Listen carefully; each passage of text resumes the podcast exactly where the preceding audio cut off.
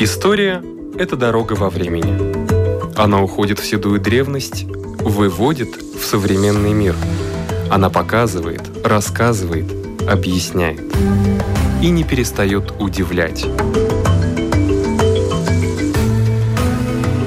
Живая история.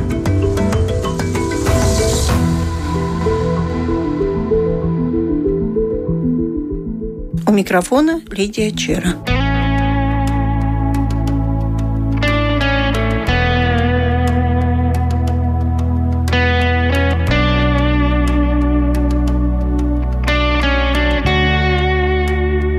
Приближаются ноябрьские праздники.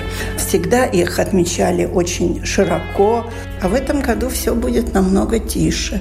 Во всяком случае, военного парада точно не будет. Национальный музей истории Латвии к этому событию выпустил книгу Анда Озволиня, сотрудница музея. Книга называется просто «За Латвию». Это девиз военного ордена Лачплеша. И книга в основном рассказывает именно о том, как создавался орден. Там э, много и таких неизвестных до сих пор и немножко подзабытых фактов в этой книге мы актуализировали. И о том, также как отмечался праздник ордена, День Лачплеша, начиная с первого этого события, когда первый раз давали орден Лачплеша в 1920 году в торжественной обстановке на эспланаде и кончая нашими днями, когда мы празднуем этот праздник уже не только один день, но почти целую неделю. У нас патриотическая неделя с 11 по 18 ноября. И разные аспекты истории ордена тоже в этой книге, потому что мои коллеги работали над тем, чтобы немножко глубже посмотреть состав тех, кто получил орден. То есть разные общественные группы, разные национальности, разные заслуги и с конкретными примерами, с очень интересными биографиями, потому что эти немногим более двух тысяч людей действительно выдающиеся, те, которые получили этот орден. И каждая биография читается как приключенческая литература, потому что их биография настолько богатая событиями. И Первая мировой войны, и послевоенных лет, и строительства Латвийской республики, и потом, конечно, репрессии, и у одних эмиграции, у других лагеря в Сибири. Потому эти биографии очень такие полные, интересные, и должны быть интересны и нашим читателям. И другой мой коллега Мартин Ваверис работал более с этим праздником. Как праздновали? Через времена, начиная с первого дня, и какие ритуалы дополняли этот праздник в течение времени. Сначала во время Первой Латвийской Республики, потом, когда здесь, на территории Латвии, не могли этот праздник отмечать свободно, а в эмиграции пытались как-то теми силами, которые у них там были, э, все-таки поддержать эту традицию. И кончая тем, как традиция возобновилась в конце 80-х годов 20 века, когда уже началась третья отмода, и когда мы уже приносили туда свои новые традиции, поднимали флаг, зажигали свечки на набережной. И все эти аспекты, например, на 400 страницах мы пытались изложить, потому что имеем богатый опыт. Мы каждый год, начиная с 1989 года, в день Лачплеша, 11 ноября, выставляли награды генерала Болодиса. Да. То есть все три степени ордена. Полный комплект. Да, и каждый раз мы пытались э, дополнить эту выставку чем-то интересным, каким-то одним интересным аспектом. И в течение этих уже 20 лет накопилось много дополнительной информации, которой мы хотели поделиться.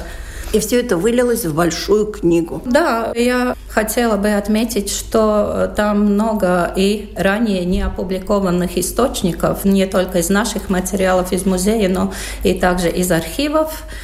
Много интересных фотографий, которые мы собрали не только в своем собрании, но которыми поделились потомки кавалеров ордена Ладжплеша.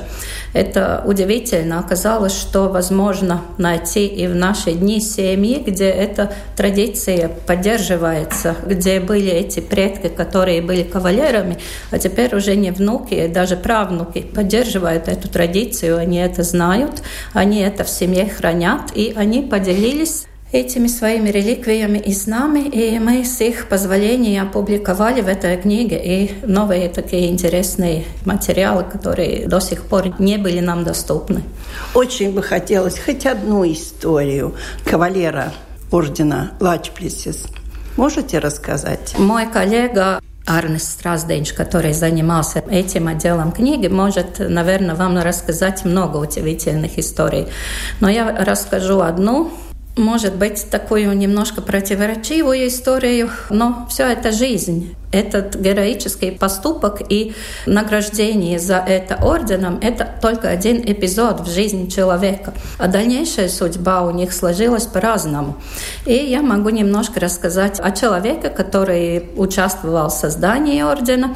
Это капитан латвийской армии Альберт Стаубе, который был тем человеком практически, кто написал устав ордена. Потому что создана была целая комиссия, но кто-то должен был практически физически эту работу сделать. И он написал устав, который потом обсудили, утвердили, и который стал основой работы ордена. Но он сделал это при помощи устава ордена Святого Георгия Российской империи и устава ордена почетного легиона Франции.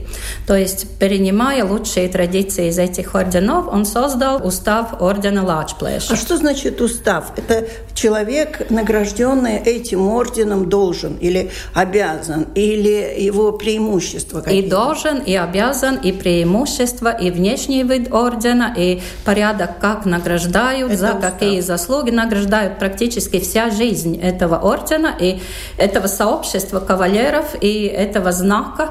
Все определяется уставом. Это самый главный документ для того, чтобы орден сделать и им награждать, и после эти все обязанности и привилегии выполнять и получать. Где было противоречие?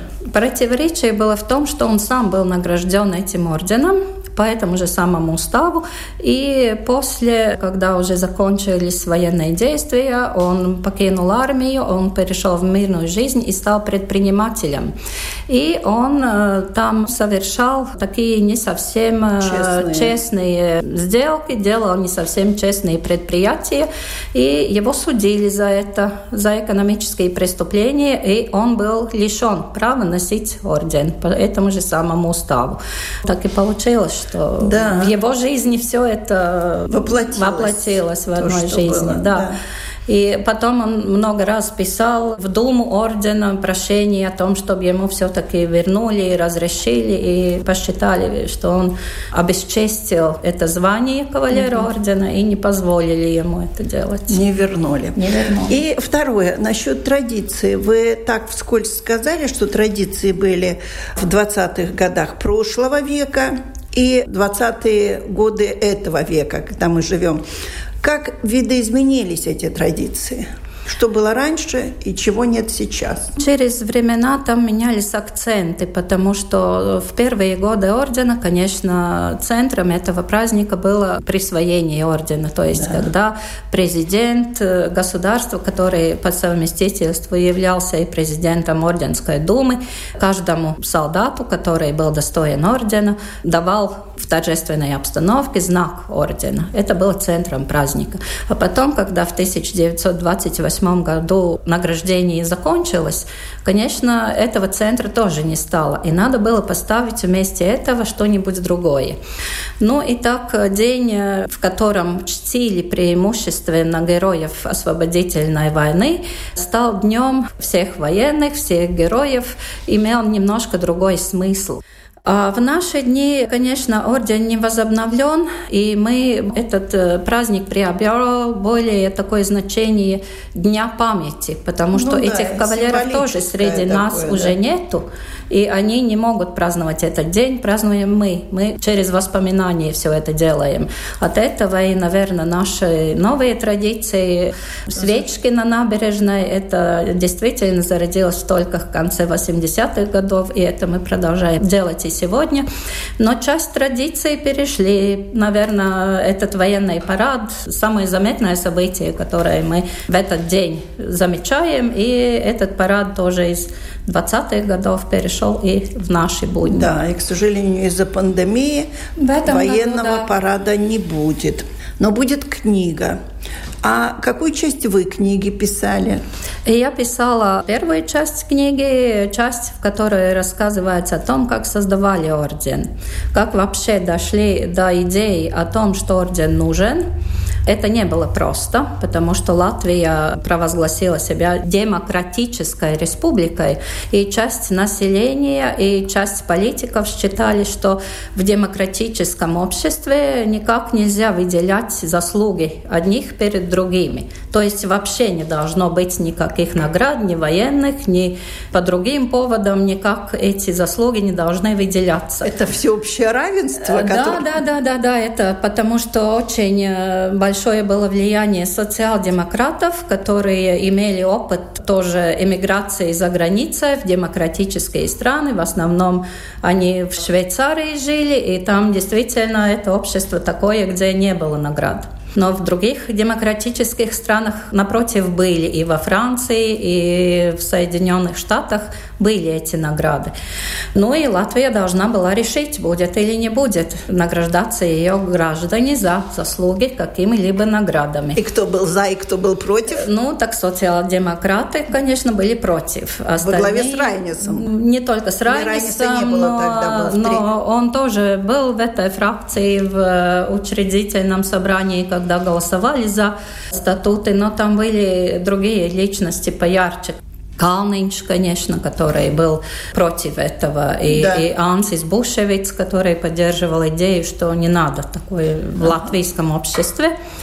А с другой стороны, за эту награду были военные, потому что они первые поняли, что для того, чтобы армия нормально функционировала, военная награда необходима. Мотивация необходима. Да, мотивация необходима. И первый вариант этого устава был сделан чисто как для военного ордена. То есть присваивали его военные своим решением. Дума ордена по задумке состояла только из семи первых кавалеров ордена высшей степени, то есть из военного круга. Все это было решаться только в военном кругу должно.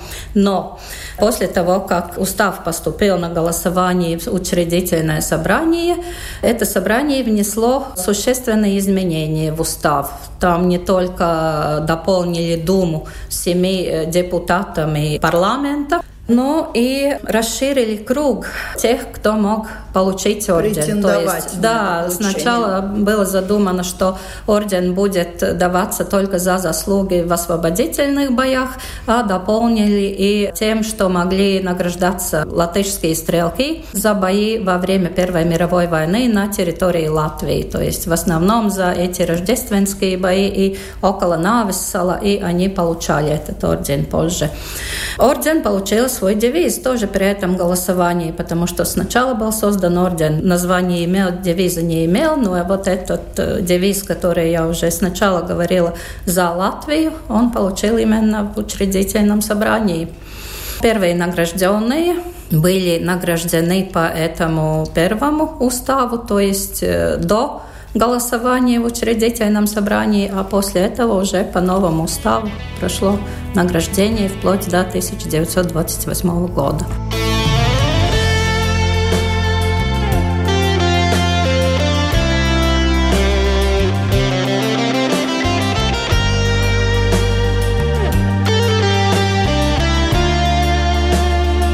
Правда получали только за военные заслуги или были исключения? Э, были исключения, но это относится в основном к иностранным гражданам, потому что до 1924 года орден Лачплесиса был единственным орденом в Латвийской республике, и приходилось и в дипломатических мероприятиях награждать иностранных глав государств и высоких военно-начальников тех государств, которые помогли и непосредственно в боях за освобождение и помогли тоже в установлении юридического статуса латвийского государства.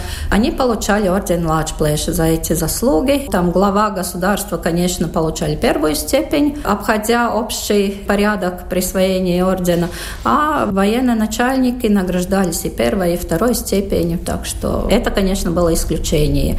Но для граждан Латвийской Республики и участников боев освобождения действительно только за военные заслуги за конкретный подвиг, показанный на поле боя. Там в уставе ордена целых 60 э, подразделений, параграфов, где описывается, каким должен быть этот подвиг. И все Дума, конкретно. Все очень конкретно. И когда человека представляли к ордену, Дума получала пачку документов, которые они просматривали и смотрели, соответствует ли этот подвиг этим э, да, этим пунктам. И если видели, что другой пункт подходит лучше, тогда советовали поменять эту формулировку иногда. А были такие случаи, когда заслуги, конечно, были перед армией в смысле поддержки больше. Не прямо участие в боевых действиях, а при поддержке. Там разные специальности, например, железнодорожники, которые работали на то, чтобы смогли эти броневые поезда да, да, да. куда-то поехать. Но по уставу они не могли получить орден Артень Лачплеша. И таких представлений к концу действия этого награждения накопилось примерно 150, по-моему. И эти представления направили в Думу Ордена Трех Звезд. И эти люди, многие из них получили за свои заслуги в освободительных боях Орден Трех Звезд. А сколько всего орденов Лачплесиса было вручено? Вообще награждены 2074 человека но некоторые из них награждены более чем одной степенью. Есть четыре из латышей, которые награждены всеми тремя степенями. Это генерал Балодис, орден да. которого у нас хранится, и генерал Беркис, тоже при жизни награжден всеми тремя степенями. И первую степень получили также и полковник Приедис, полковник стрелковых полков, после смерти уже посмертно награжден, и также Оскар Калпакс тоже посмертно награжден этим орденом. А вообще э, первую степень получили 11 человек, остальные 7 это иностранные военно-начальники и главы государств. Например, король Бельгии Алберт, король Италии Виктор Эммануэль III, Наши соседи, которые помогали, маршал Пилсудский, генерал Лайдонер эстонский, получил все три степени ордена, и он был как раз исключением в среде этих иностранцев, потому что обычно они награждались только высшими степенями, а он получил все три степени, потому что, как мы знаем, Эстония оказала очень существенную помощь нашим э, этим северным группировкам войск в ходе освободительных боев. Существует список, сохранился ли список всех кавалеров ордена Лачплесиса? Да, список сохранился, и он известен нам. Он э, выпущен в виде справочника Латвийским государственным архивом в 1995 году. Многие, наверное, знают, такая огромная красная книга с э, знаком ордена на обложке. И там действительно собраны все эти награжденные не только имена, но и короткие биографии этих людей. И в большинстве случаев даже фотографии там имеются. Так что а мы ордена? знаем о них много. А ордена, именно как орден, сохранились тоже у людей, у семей, которые вручали эти ордена? Э, да, часть орденов поменяла хозяев в ходе истории. Конечно, у нас тоже в музее хранятся ордена третьей степени. В большинстве своем хранятся и в военном музее, но и в многих семьях до сих пор хранятся эти ордена. И через все эти непростые исторические времена сохранили они и теперь не решаются расстаться, расстаться с, ними, с ними, да, будут хранить дальше. Но это сам по себе орден – это произведение искусств.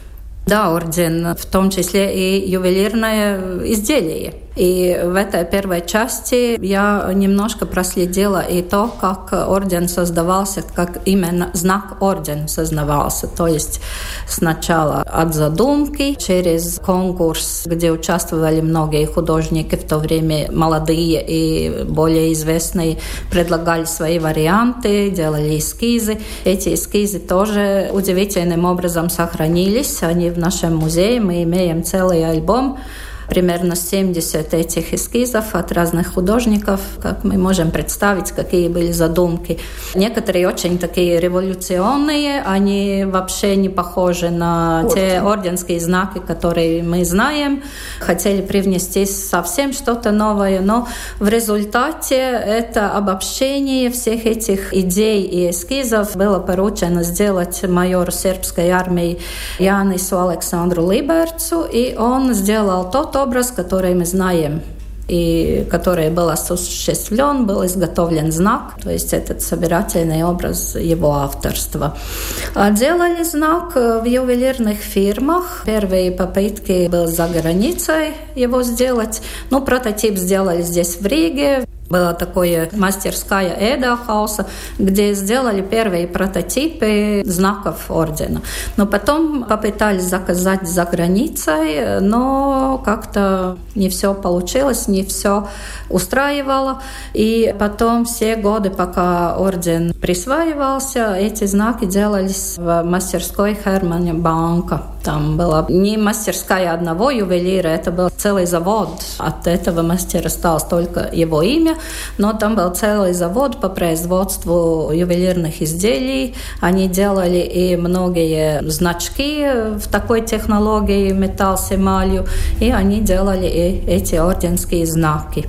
Знаки делали из бронзы, и только для иностранцев изготовляли из серебра, а говорят, что три знака были тоже из золота, но мы их не встречали нигде, но так предполагаем, что это должно было быть тем э, монархом иностранных государств. А драгоценные камни тоже были? Камни не были. Была эмаль, эмаль белая и красная, и серединка этого ордена там изображен бой Лачплейсиса с медведем.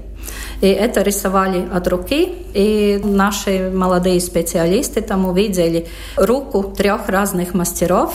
Так мы видели три разные эти типы изображений, но, к сожалению, мы имена этих мастеров не знаем, потому что это не были какие-нибудь большие художники, они просто работали в этой мастерской, выполняя свою работу повседневную. Госпожа Озолыня, вы сказали, так как мы привыкли видеть этот орден, это вы привыкли его видеть, а тот, кто с ним не знаком, не видел его, будет ли возможность в дни праздника увидеть этот орден? Но мы постараемся, если кого-либо впустит в наш музей. Мы не знаем, конечно, как будет. Да? да, на Бревибс 32 будет выставлен этот орден, все три степени, как каждый год, но, конечно, посещение будет индивидуальным. То есть мы не будем организовать экскурсии, не будем рассказывать все эти интересные истории, это придется читать в книге, но будем показывать орден индивидуальным посетителям 11 ноября с 10 часов до 18. Тот, кто пойдет, тот уточнит. Да, он думаю. должен уточнить и вообще должны уточнять, потому что наше переменчивое время все меняется каждый да. день. Мы не можем с уверенностью это утвердить Сказать, сегодня. Да. Да. Эта книга была сделана в сотрудничестве с издательством «Латвийс Медии». Мы авторы этого содержания, но они продвигали проекты, публикуют это не музей, а Латвийс медии. Вообще интересно говорить даже о погоде. Можно ли сказать, вот, например, у нас в основном 11 ноября это глубокая осень, иногда снег, иногда слякоть, иногда дождь. А остались какие-то документы, факты о том, какая погода была 11 ноября? Ну, такая и была характерная для нашей осени, но все эти описания остались. Интересно то, что в прессе потому что пресса очень подробно всегда рассказывала о мероприятиях этого дня, и всегда эти рассказы начинались с тем, что в этом солнечном ноябрьском дне или под дождем и в тумане. Ну, там по-разному происходило. Я помню, было одно такое очень яркое описание того, как проходил военный парад в тумане. На этой площади, что там очень поэтично автор описывает, как эти войска из тумана появляются и проходят э, перед зрителями, и потом опять в туман уходят. И разная символика, конечно, можно рассмотреть в этом. Это очень интересно. И еще такое очень яркое одно впечатление у меня осталось от описания другого 11 ноября, когда было довольно холодно и снег. И на этот э, торжественный парад были приглашены представители иностранных делегаций, и они мерзли очень. И в газете появилось такое название, как «дипломатический танец». То есть они с ноги на, на ногу там переминались, да, и, и, и мерзли, и смотрели такой интересный момент, как дипломатический танец. Так что этот парад всегда был тоже центральным событием дня, и его посещали, и кто не мог сам это увидеть, мог получить впечатление в прессе об этом событии. Имеет смысл сказать, э, наверное, о том, что среди кавалеров ордена были не только представители коренной национальности, но и других национальностей, которые проживали на территории Латвии с тех времен и до наших дней живут. Среди кавалеров было 56 человек немецкого происхождения, 30 русских, по 8 было эстонцев и литовцев, то есть не тех, которые из Эстонии получили этот орден, а именно эстонцев из Латвии. И поляки 9, и три белоруса, и даже один швед один гражданин шведской национальности, проживающий в Курзаме, тоже участвовал в этих боях и получил за это орден Лачплеша. Так что круг получателей ордена был очень демократичный и широкий, и имели смысл только заслуги человека. Ни его происхождение, ни его национальность не рассматривались при этом. Демократично. Да. Можно еще сказать о том, что после парада были другие такие мероприятия, которые были задуманы более для самих кавалеров. То есть проводилась торжественная трапеза, которой обычно здесь в Риге участвовали новонагражденные, но и в других городах, где были размещены гарнизоны, там тоже происходил праздники, там тоже проводилась в разные годы эта торжественная трапеза после торжественных мероприятий, после военного парада. А вечером обычно устраивали разные такие культурные мероприятия. За льготные билеты можно было посмотреть представления городских театров, обычно опера тоже в этом участвовала, давала или специальные представления, или можно было посмотреть то, что в репертуаре, но за льготные билеты тоже этим кавалерам ордена давали такое преимущество. А вы говорили трапеза. Это было в каждом месте? Не было там президентский дворец, где вручили этот... Эм... Это по-разному было. Раз... В разные годы по-разному. Устраивали и гарнизоны, устраивала Дума централизованно. Все это имеет смысл. Если интересно, действительно в книге прочитать.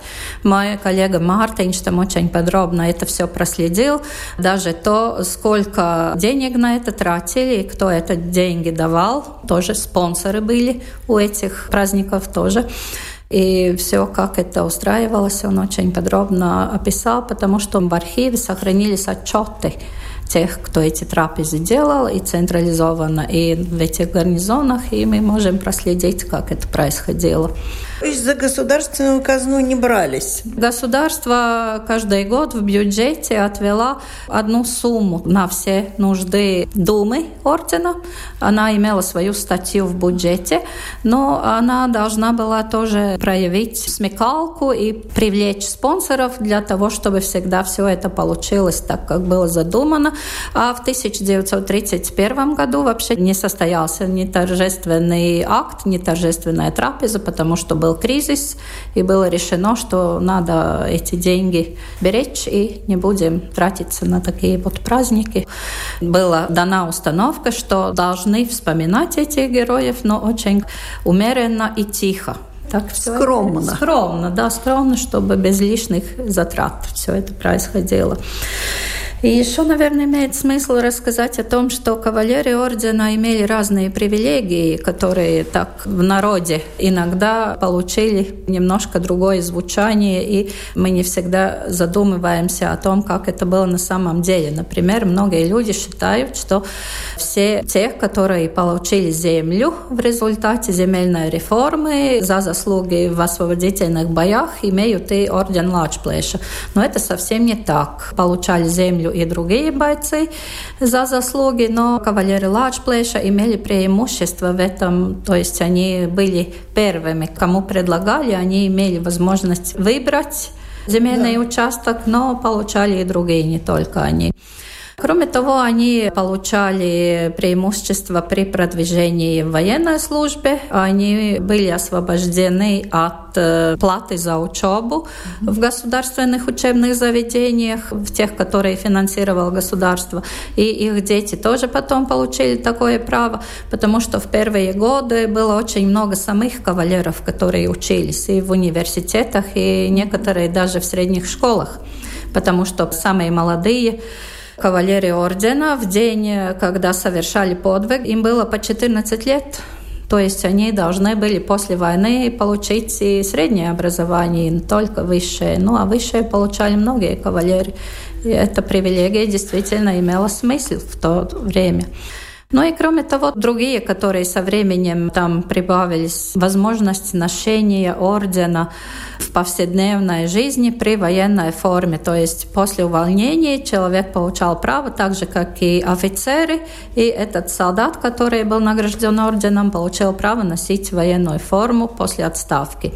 И льготные билеты по железной дороге, ну, такие разные, наиболее помельче эти привилегии, но эти в основном получение земли, освобождение от платы за учебу, это действительно имело в то время такую основу.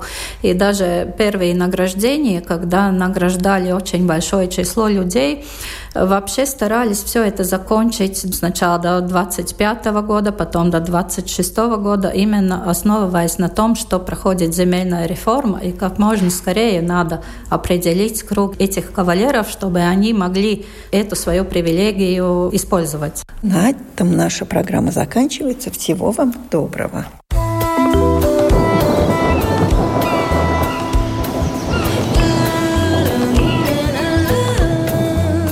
Латвийское радио 4 Валуксне на 100 и 5 FM.